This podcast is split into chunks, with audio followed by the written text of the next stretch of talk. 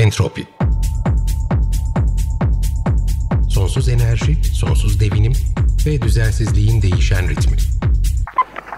Hazırlayan ve sunan Bikem Ekberzade.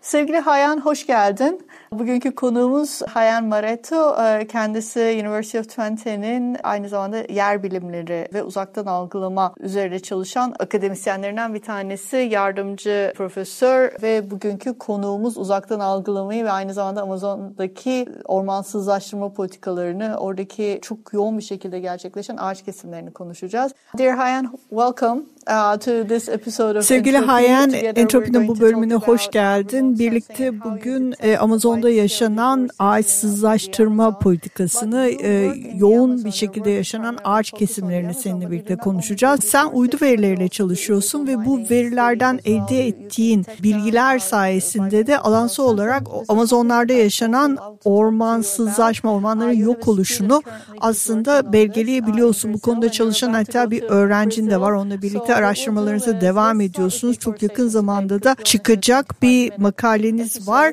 Şu anda da aslında sen Brezilya'ya gitmeye hazırlanıyorsun. Çok kısa bir süre sonra yolda çıkacaksın. Bize öncelikle Entropi'ye katıldığın için çok teşekkürler. Bugün Amazon'da yaşanan ağaç kesimlerini ve yoğun bir şekilde gerçekleşen ormansızlaşmayı konuşacağız. Orman kayıplarını konuşacağız. Biz Entropi'de daha önce bu bölgeden yerli kabileleri davet ettik ve konuk ettik burada.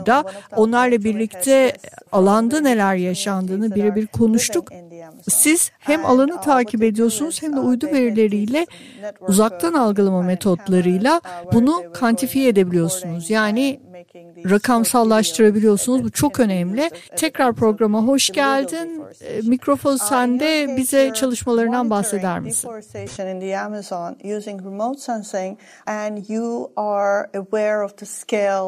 Deforestation in the Amazon and how much it has increased over the years and what is really going on in the ground because you also do field research there as well with uh, your students that are also working on similar subjects. If correct me if I'm wrong, but the mic is yours, the floor is yours. So please tell us a little bit about your work and what you do. Oh, thank you very much. Uh, first, very nice to meet you. Thank you very much for the invitation. It's a great pleasure to be here with you today. Çok teşekkürler. Evet bugün burada seninle beraber olmak çok güzel gerçekten. Çok teşekkürler bana da yer verdiğin için. Evet senin de söylediğin gibi benim araştırmalarım uzaktan algılamayla ilgili ve ben Brezilya'nın kendi ulusal bir birimiyle birlikte çalışıyorum. Onların görevleri zaten Brezilya konusunda uzaktan algılama bilgilerini, verilerini toplamak. Biz aslında bu uydu verilerinin sahadaki doğrulamalarının otomasyonuyla ilgili çalışıyoruz. Şu anda bunu manuel olarak yapıyorlar. Yani sahada elde edilen görüntüleri uydu verileriyle karşılaştırıp aradaki hata payını hesaplamaya çalışıyorlar. Biz bunun için yapay zekayı da kullanarak daha otomatik insan müdahalesinin çok fazla olmadığı ve do dolayısıyla hata payının da daha az olacağı bir doğrulama metodolojisi üzerine çalışıyoruz. Biz aynı zamanda Brezilya'da Map Biomas kuruluşuyla da bağlantılı olarak çalışıyoruz. Onlar Brezilya nezdinde yüzey alan kullanımındaki değişiklikleri tespit edip bunu haritalandırmaya çalışıyorlar ve bu konuda da uydu verilerinden yararlanıyorlar bunu yapabilmek için. Biz gene bunların teyidi aşamasında onlarla birlikte çalışıyoruz. Çünkü takdir edersiniz ki uydu verilerini manuel olarak teyit etmeye çalışmak gerçekten çok zaman alan bir şey. Bunun bir şekilde otomasyona bağlanması gerekiyor gerekiyor. Aksi takdirde bilim insanları çok daha faydalı şeyler yapabilecekken bu tarz işlerle çok fazla vakit kaybediyorlar. Benim şu anda birlikte çalıştığım doktora öğrencim de aslında bu tarz bir çalışma yürütüyor ve Brezilya'da gerçekleşen maden endüstrisinin alan değişimini 1980'den bugüne kadar uydu verileri ve e, gör, diğer görsel haritaları kullanarak hesaplıyor. Bu çok önemli çünkü biz burada sadece yasal olarak açılmış madenlerden ve işletilen madenlerden bahsetmiyoruz. Burada çok ciddi yasa dışı madenler de söz konusu. Bu proje kapsamında da benim öğrencim bunların hepsini tespit ediyor. Şu anda ben de Brezilya'ya zaten saha çalışması ve oradaki paydaşlarla yapılacak toplantılar için gitmek üzere hazırlanıyorum. Tüm bunların yanı sıra ben aynı zamanda uydu verileri kullanarak yeryüzündeki biyokütleyi de e, ve bununla birlikte karbon stoklarında ormanlar nezdinde hesaplıyorum. E, Brezilya için yapıyorum bu araştırmayı. Burada yer üstündeki biyokütleyi hesaplarken ve buradaki değişimleri hesaplarken aynı zamanda biz orman kaybını da hesaplayabiliyoruz. Bunu da hesaplarımıza dahil edebiliyoruz daha doğrusu ve bununla beraber biyoçeşitlik kayıplarında tespit edebiliyoruz. Biz burada e, Brezilya'daki ormansızlaşmayı, orman kaybını e, çok rahatlıkla hesap edebiliyoruz. E, burada aslında Brezilya'da 1980'lerden 2004'lere kadar neredeyse gerçek zamanla eşleştirilmiş bir şekilde ormanlar takip ediliyorlardı. E, bununla ilgili bir sistem oturtulmuştu. 2004'ten 2012'ye kadar bu sistem kullanıldı ve bu süre içerisinde hem ormanların kaybında bir azalma, insan eliyle kayıplarında yani kesimlerde bir azalma hem de aynı zamanda stabil bir şekilde orman biyokütlesinin devam ettiğini gözlemledik biz. Fakat 2012'den sonra ormanlarda çok ciddi bir kayıp gözlemlemeye başladık. Biz çok yükselmeye başladı buradaki kayıp oranları. Öyle ki yıllık 10 bin kilometre kare orman Brezilya nezdinde yok oluyordu. Burada eğer ormansızlaşma şekillerinden bahsetmemiz gerekirse sadece bizim bildiğimiz anlamıyla temiz kesim yani bir alanı tamamen ağaçlardan arındırma yöntemlerinin dışında ormanı etkileyen, orman biyokütlesini etkileyen başka kesimler de oluyor. Bu temiz kesim dediğimiz yani tamamen bütün alanın tıraşlanması çok büyük makinalarla yapılıyor. Genelde traktörler bu işin içerisine giriyor ve bir alanı tamamen ağaçlardan arındırıyorlar. Bunları bizim uydu verilerinde tespit etmemiz aslında nispeten kolay oluyor. Ama diğer tarz kesimler biz bunları seçici kesimler diyoruz. Belirli türlerin alandan ayrılması gibi bunlar ekonomik değere sahip olan türler olabilir. Bunun tespiti gerçekten çok zor oluyor. İnsan gözüyle zor oluyor. Otomasyona bağlamak da bir o kadar e, zorlaştırıyor meseleyi ve her zaman da çok mükemmel sonuçlar elde edemiyoruz ama bu da ormanların karşı karşıya bulunduğu çok ciddi bir te tehlike. Çok iyi sonuçlar elde edememesinin sebeplerinden bir tanesi de sadece Brezilya Amazonunu 5 milyon kilometre kareye yayılıyor olması. Yani çok büyük bir alandan bahsediyor. Biz bu süreçte uydu verilerinden faydalanırken ağırlıklı olarak radar görüntülerini kullanıyoruz. Çünkü bildiğiniz gibi Amazon tropik bir orman e, ve dolayısıyla bulutlar çok ciddi bir şekilde blokaj sağlayabiliyorlar bizim görüntü temiz görüntü elde etmemiz için. E, bunda da radar görüntülerinden faydalanıyoruz. Sometimes you cannot even find one single image in the whole year without being covered by clouds.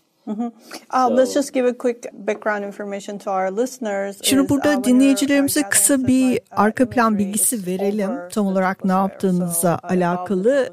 Çalıştığınız bölge senin de söylediğin gibi tropik bir bölge olduğu için ve burada özellikle evaporasyona bağlı olarak çok fazla bulut oluşumu olduğu için ve uydular e, troposferin üzerinden görüntü aldıkları için burada bulutluluk sizin için çok ciddi bir problem oluyor. O yüzden siz bunu ekarte etmek için farklı yöntemler kullanıyorsunuz ve bu farklı yöntemlerin arasında sadece uydu yöntemleri de yok. Öyle değil mi?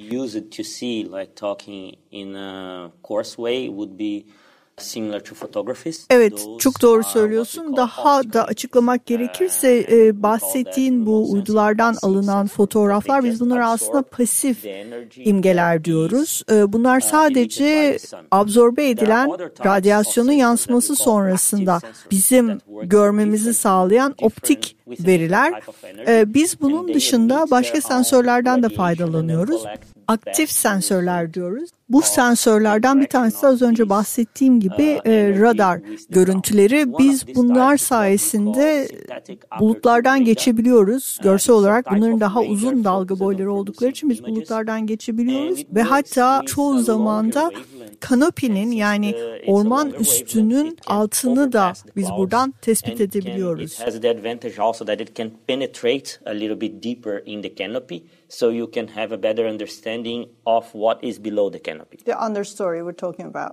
Right? Bu bahsettiğin yani ormanın alt örtüsü öyle değil mi? That might be under the canopy or the biomass that's not. Uh, no, more about the structure of the trees. The Yo aslında e, bu dalga boyları yere kadar ulaşmadıkları için biz burada sadece ağaç tiplerine ayırt edebiliyoruz. Çok fazla orman alt örtüsünü göremiyoruz. Bu bahsettiğin şekilde kayıt yapabilen sensörler var aslında ama e, bunların sayısı çok fazla değil e, ve çok geniş alanlarda kullanılmıyorlar henüz.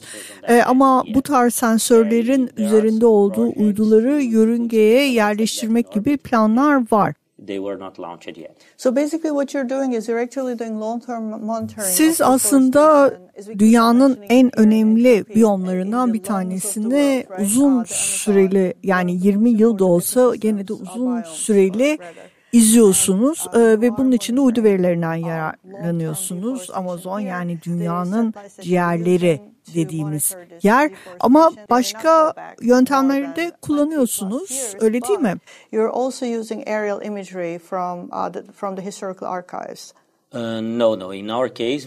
Yok hayır biz e, sadece uydu verilerinden faydalanıyoruz. Çünkü 1980'lerden bu yana bunların hatta birçoğu da arşivlenmiş bir durumda. E, Amazon ormanları ile ilgili e, çok fazla uydu verisi var bizim kullanabileceğimiz. Dolayısıyla şu aşamada biz birincil olarak onlarla çalışıyoruz. Burada sorun ya yani Amazon konusunda, Amazon'u çalışma konusunda sorun aslında veri değil. Çok fazla veri var. Burada INPI Örneğin az önce bahsettiğim Brezilya'daki kurum Amazon'la ilgili verilerin derlenmesi konusunda çok ciddi çalışmalar yaptı ve bizde en az 30 yıllık veri var. Çok büyük bir veri tabanı bu e, Amazon'un hacmi düşünüldüğü zaman. Ayrıca diğer tip izleme metodolojileri her ne kadar farklı coğrafyalarda etkili olsa da Amazon için çok da pratik değil. Çünkü Amazon gerçekten çok büyük bir alanı kapladığı için siz burada drone ile yapacağınız bütün analizler e, birçok ayı kapsayacaktır e, ve çok pahalı olacaktır. Ama bunun yanı sıra uydu verileri kullanarak yapılan araştırmalar hem çok ucuz yani maliyeti hem daha düşük oluyor hem de çok kapsamlı olabiliyor. Her ne kadar rezolüsyon konusunda belki drone'un yakalayacağı rezolüsyona ulaşamasak da henüz uydu verileriyle ki bunu yapabilen bazı ticari uydular mevcut. Gene de ormansızlaşma konusunda yapılacak bir çalışmada gayet yeterli oluyorlar. The best satellites that we have nowadays for this, they are all free and open. All the images can be acquired by anyone for free.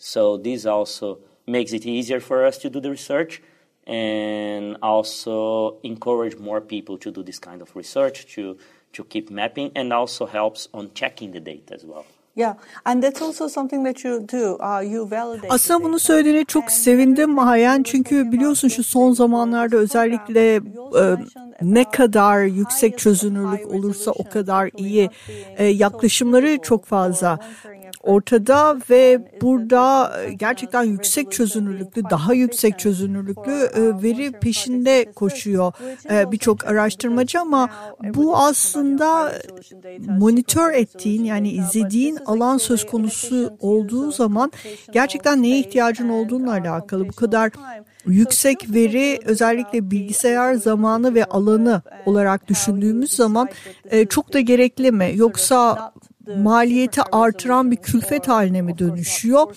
Biraz da bundan konuşabilir misin lütfen?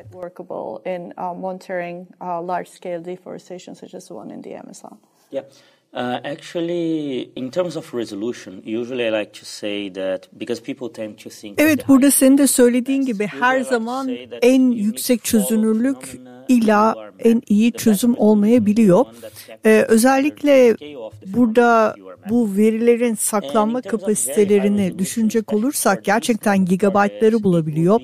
çok küçük bir alanı e, çok yüksek çözünürlüklü veriyle çözümlediğiniz zaman. Bunun içinde bize e, örneğin Sentinel-2 gibi uyduların e, veri çözünürlükleri yaptığımız iş için gayet yeterli sonuçlar verebiliyor. Burada tabii birden fazla uyduyu oradan gelecek verileri bütünleşik olarak kullanmak her zaman için burada ortaya çıkabilecek e, false positive dediğimiz yani yanlış pozitifleri de ekarte etmemize yardımcı oluyor. Bu ne demek? Örneğin çok çok yüksek veriyle çalıştığınız zaman bazen e, ormanın içerisindeki ışıktan kaynaklanan bazı daha doğrusu dalga boyundan kaynaklanan bazı değişiklikler yüzünden bazı alanları ağaçtan arındırılmış olarak tespit edebiliyor bizim e, oluşturduğumuz algoritma. E, halbuki burada e, bir gölgeleme söz konusu ve bu sefer e, manuel olarak orayı incelemek gerekiyor ama yüz ölçümü çok yüksek olan bir yerde sürekli bu manuel verifikasyonlar e, o zaman bizim yaptığımız işin arkasındaki mantığı ortadan kaldırıyor. Dolayısıyla e, orta çözünürlükte ise bu false positive dediğimiz yanlış doğruların oranları çok ciddi oranda düşüyor. Bunu INPI yani Brezilya'da e, bizim e, geliştirdiğimiz, birlikte çalıştırdığımız algoritmayı kullanan organizasyon çok iyi bir şekilde kullanıyor ve orta çözünürlükte yani Sentinel-2 gibi uyduların çözünürlüğünde birçok uyduyu birleştirerek zamansal rezolüsyonu yükseltebiliyor. Yani biz burada günlük veri analiz edebiliyoruz bu sayede.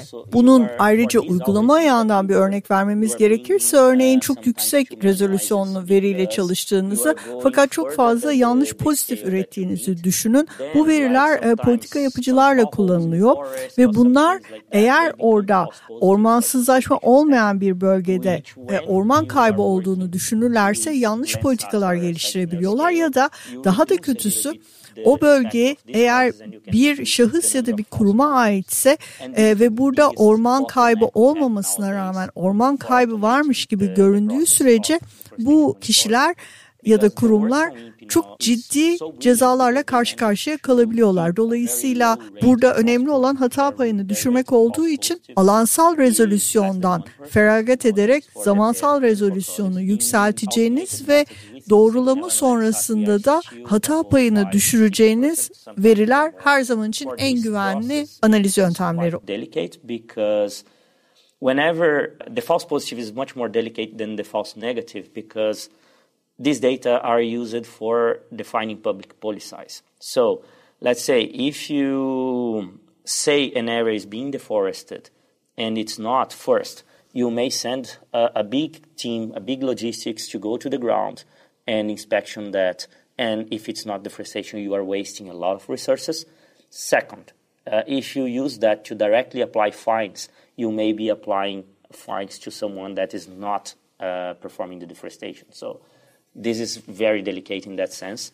So by using these resolutions, also you we, you can help keeping these lower rates of false positives because you reduce the noises coming from the, the high resolution. Fantastic. What, what you're really doing focusing on Evet gerçekten çok enteresan. Şimdi e, senden ricam biraz da sizin bu verileri gerek temizlemenizde, gerek de analiz etmenizde, gerekse de kontrol etmenizde kullandığınız yapay zekadan yani derin öğrenmeden, deep learning dediğimiz yöntemden e, bunu nasıl uyguladığınızdan biraz bahsedebilir misin? Ve aynı zamanda da sonuçlarınız söz konusu olduğu zaman e, politikayı nasıl etkiliyor? Analizler sonucu hazırladığınız çıkarımlar politika yapıcıları nasıl etkiliyor? Biraz da işin o tarafından yani paydaşlar kısmından bahsedebilir misin? Um, and also tie that up to, if you could, to developing sound policy advice on illegal logging or deforestation uh, in the Amazon by means of these deep learning algorithms. Uh, which are going to be processing raw satellite imagery. First, why are we using deep learning and not Önce istersen e, neden derin öğrenmeyi kullanıyoruz? Yani neden yapay zekayı tercih ediyoruz? E, diğer mekanik e, ya da klasik makine öğrenmesi metotlarına göre burada yapay zeka e, çok daha hızlı bir şekilde ham veriyi alıp e, sonuca varabiliyor. Halbuki makine öğrenmesinde araya biz ham veriyi verdikten sonra algoritmaya araya bir mühendislik girmesi gerekiyor ve burada ayrıştırmalar yani e, şimdi burada biz uydu verisiyle çalıştığımız zaman orada neresi açık toprak alan, neresi ormanlık alan, neresi çalılık ya da göl ya da diğer farklı ekosistemlerden oluşuyor. Bunu el ile göz ile tespit etmemiz gerekiyor. Fakat e, ham veriyi biz yapay zekaya verdiğimiz zaman bütün bu ara işlemleri kendisi hallediyor ve sonuçta her ikisinin sonucunu karşılaştırdığımız zaman yapay zekanın uydu görüntülerini işlediği algoritmanın sonucunda çıkanlar hata payı olarak diğerine nazaran daha az hata içeriyor. And then you also don't need to to spend all this time on creating and extracting these features. And in terms of the advantages over the the manual process the manual process we have now big teams working on that on inspecting validating drawing the polygons and so on. And those are very well trained experts that their knowledge could be used much better in analyzing their data for proposing public policies, on defining how the current policies are working, validating them, and so on, instead of staying just inspecting images. I think the main advantage when we manage to to have the same accuracy with automated methods will come in this sense of managing to shift this big expertise that we have to a more practical part of the process in proposing policies, in studying better the process, understanding the drivers of deforestation. These have been uh, studied a lot, but the more workforce we have for that, the better would be. Yeah, definitely. I think that would be the, the main advantage of the automated methods. Definitely. And finally, what Evet çok haklısın. Ee, peki senin gözlemlediğin kadarıyla yani senin tarafında bugün Amazon'da yaşanan ormansızlaşma, orman kaybının en büyük arkasındaki yatan nedenlerden bir tanesi ya da birkaçı nedir? The accessibility is one of the drivers, so ben bu konuda bir uzman değilim ancak burada gözlemlediğim kadarıyla Amazon'daki orman kaybının en önemli nedenlerinden bir tanesi erişilebilirlik. Burada şehirler, yollar ormana ne kadar yaklaşırsa o kadar ormandaki insan eliyle yapılan tahribatın boyutu da büyüyor. Ama bununla birlikte bir orta yolda bulmamız gerekiyor. Çünkü biz burada yaşayan insanları altyapı olmadan, yollar olmadan ve erişim imkanı olmadan bir noktadan başka bir noktaya kendi başlarına bırakamayız. Dolayısıyla bu e, konunun aslında ne kadar hassas bir konu olduğunu da bir yandan gösteriyor.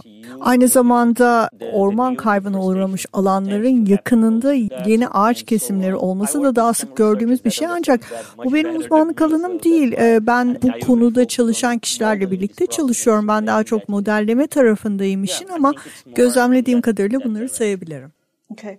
Great, thank you so much. Um, Hayan evet Hayan çok teşekkürler katıldığın için ve bu yasa dışı madenlerle ilgili yaptığın çalışmayı da e, bir noktaya ulaştırdığınız zaman sizi tekrar entropide görmek isterim.